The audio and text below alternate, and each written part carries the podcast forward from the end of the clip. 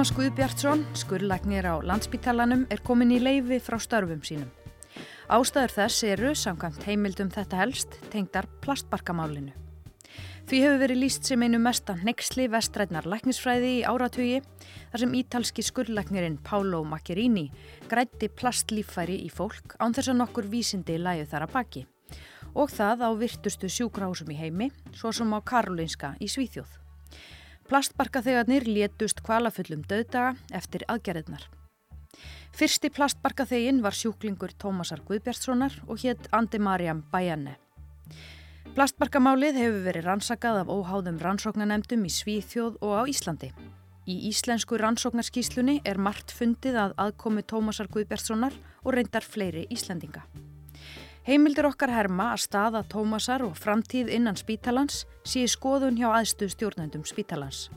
Meðal þeirra telja allt nokkrir að Tómas þurfi að sæta ábyrð fyrir þátt sinn í plastbarkamálinu. Sumir telji að hann verði hreinlega að hætta störfum svo afdreifurík hafi aðkoma hans að plastbarkamálinu verið. Spítalinn verði að gera upp málið í eitt skipti fyrir öll og svo vinna stendur nú yfir. Ég heiti Þóra Tómastóttir og í þessum þætti ætla ég að fjalla um stöðu Tómasar Guðbjartssonar. Gestur minn er Alma Ómarstóttir, fréttamaður á Rúf, sem hefur fjallað um plastbarkamálið í tíu ár.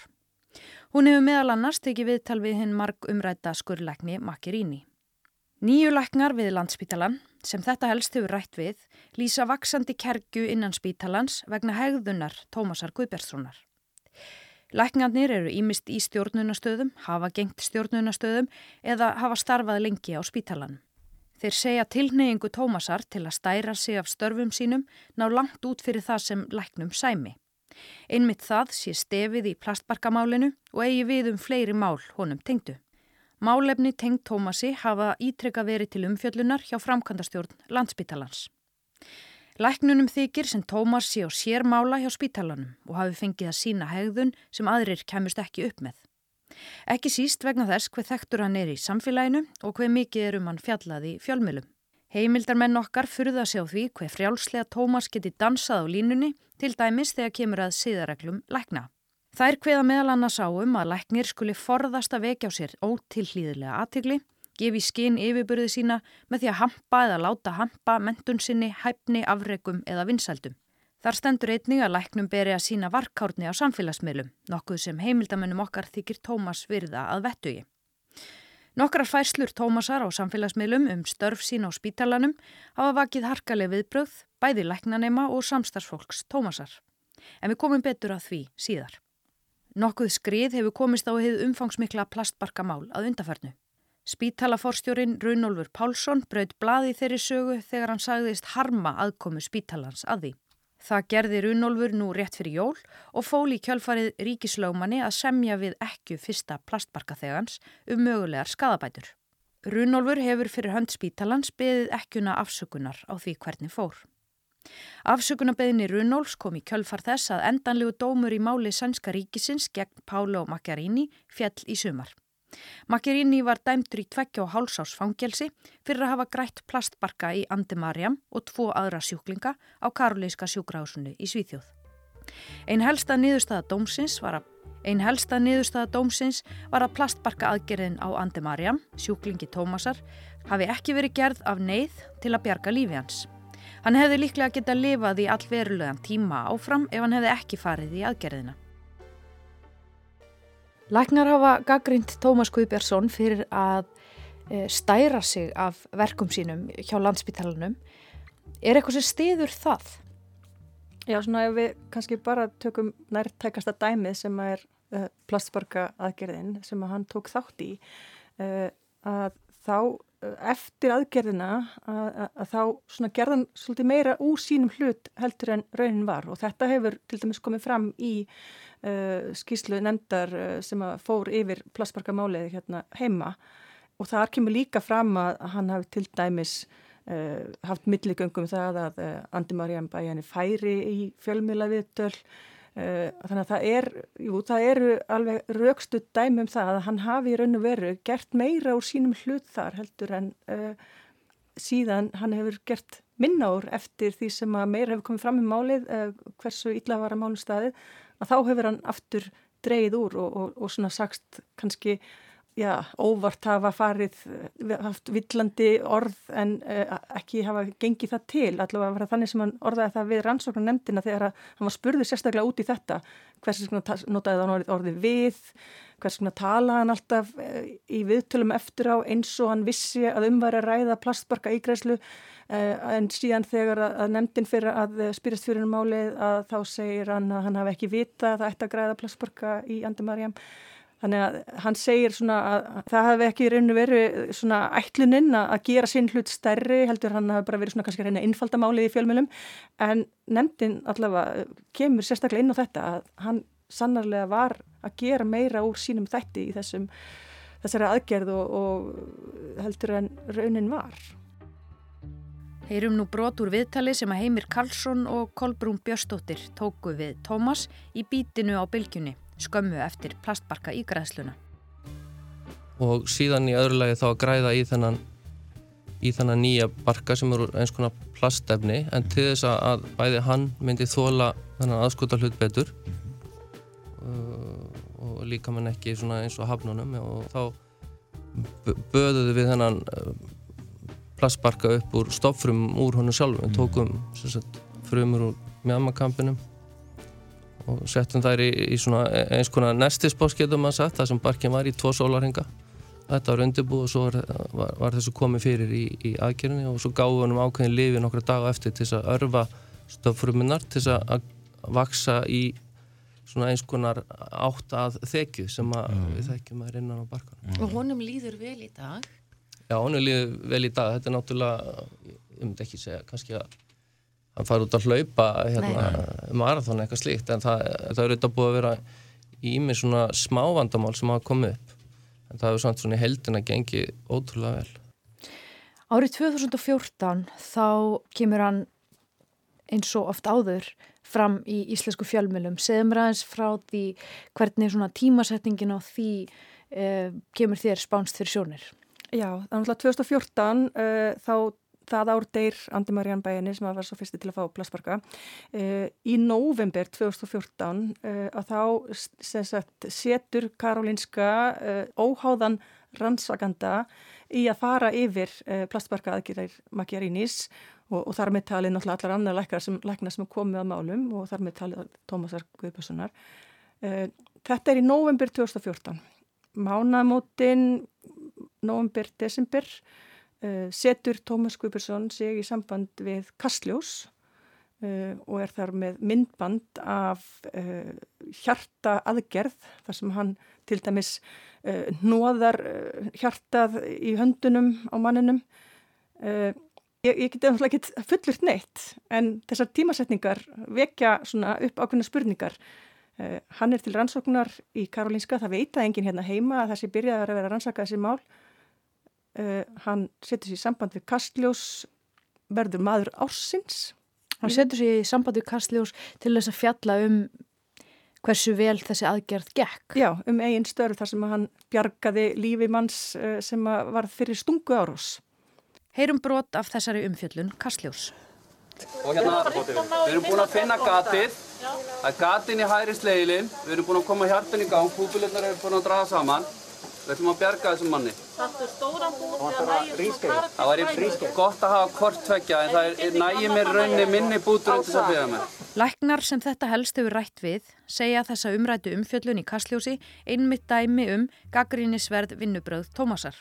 Þar hafi Tómas átt frumkvæði að umfjöllun um aðgerð sem hann gerði og farið í viðtal með einstakling sem var í varhugaverðri stöðu. Sjúklingurinn hafi auðvitað þakka á hann um lífgjöfuna með því að koma fram í viðtalinu. Stuttu síðar var Tómas valinn maður ársins af hlustendum vísis og bylgunar fyrir að hafa unnið ótrúlegt björgunarafreg á spítalanum þar sem sjúklingi var bjargað eftir nýfstungu í hjartað. Nú heyrum við að uh, það er kerkja innan landsspítalans með mál sem tengjast í raun og öru bara hegðun Tómasar Guðbergssonar. Uh, það er svolítið skrítið að ræða hegðun fólks í heilbriðstjættinni og ekki oft sem það ber á góma. Er það eitthvað sem hefur borist þér til eirna slíkt tal á þeim áratug sem að þú hefur fjallað um plastbarkamálið? Já, maður hefur heyrt það uh, að uh, það er ekki, það er ekki allir sem eru sáttir við það þegar að læknar transir of mikið fram í sviðsljósið, gera of mikið úr sínum þætti eða hefja sig upp á því að í raunum veru bara að vinna sína vinnu. En mörgum höfur fundist Tómas gera það.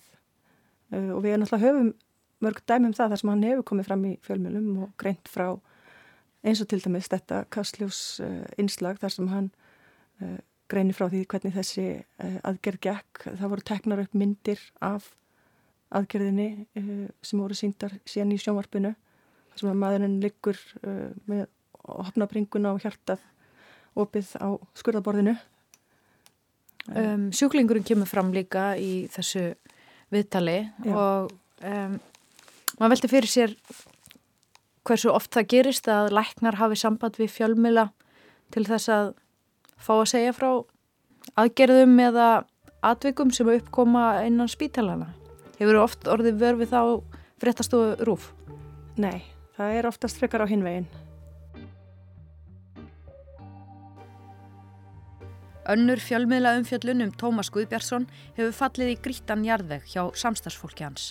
Það var annað nýfstungumál sem uppkom á lögmannstofu í Reykjavík. Málið var einnig til umfjöllunar í Kastljósi á sínum tíma en þar veitti Tómas viðtalum atbyrðarásina.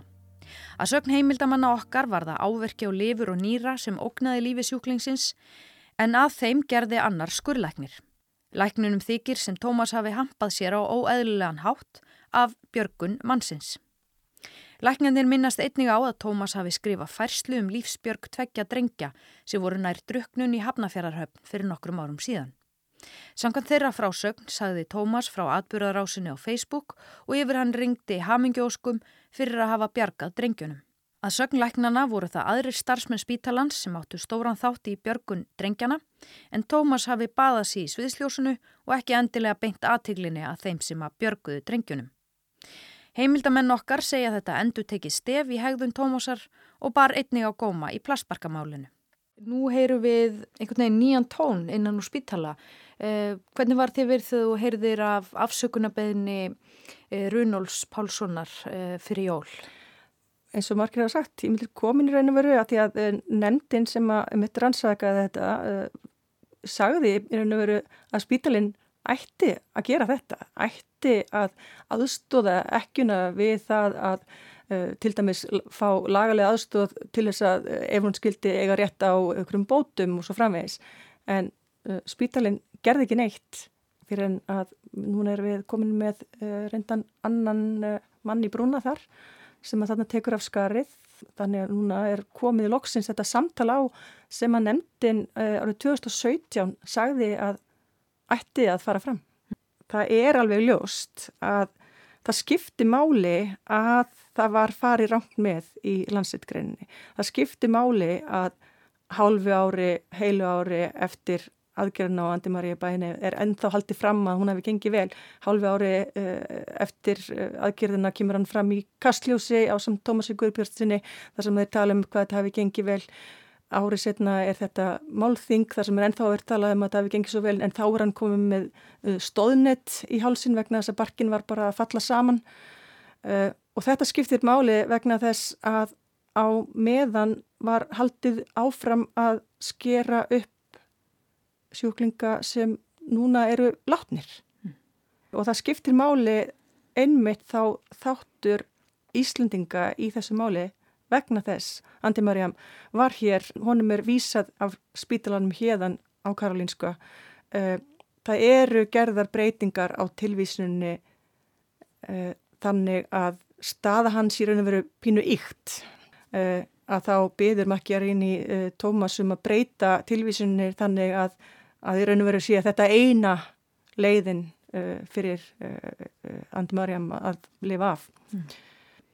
sko það breytt breytti ansi miklu núna þegar að loksins uh, er loka dómur komir, komin í Svíþjóð. Þetta hefur verið fram og tilbaka í kerfinu uh, málmækjar ínís en núna hefur hann verið dæmdur fyrir uh, þessar aðgerðir og ég veit ekki hvort að það sé þá ef einhver tekur þátt í aðgerð sem að leknin sem að framkvæmur aðgerðina er síðan dæmdur fyrir þarf ekki að rannsaka þátt annara sem tók tók þátt í þeirri aðgerð, maður spyr sig. Það hefur mér að vitandi aldrei komið til kastaða lauruglu hérna heima. En þá verður þetta helst ekki lengra í dag. Við gerð þessa þáttar þá reyndum við að ná tali af Tómasi Guðbertsinni en án árangurs. Þóra Tómasdóttir þakkar ykkur fyrir samfélgina í dag. Við verðum hér aftur á sama tíma á morgun.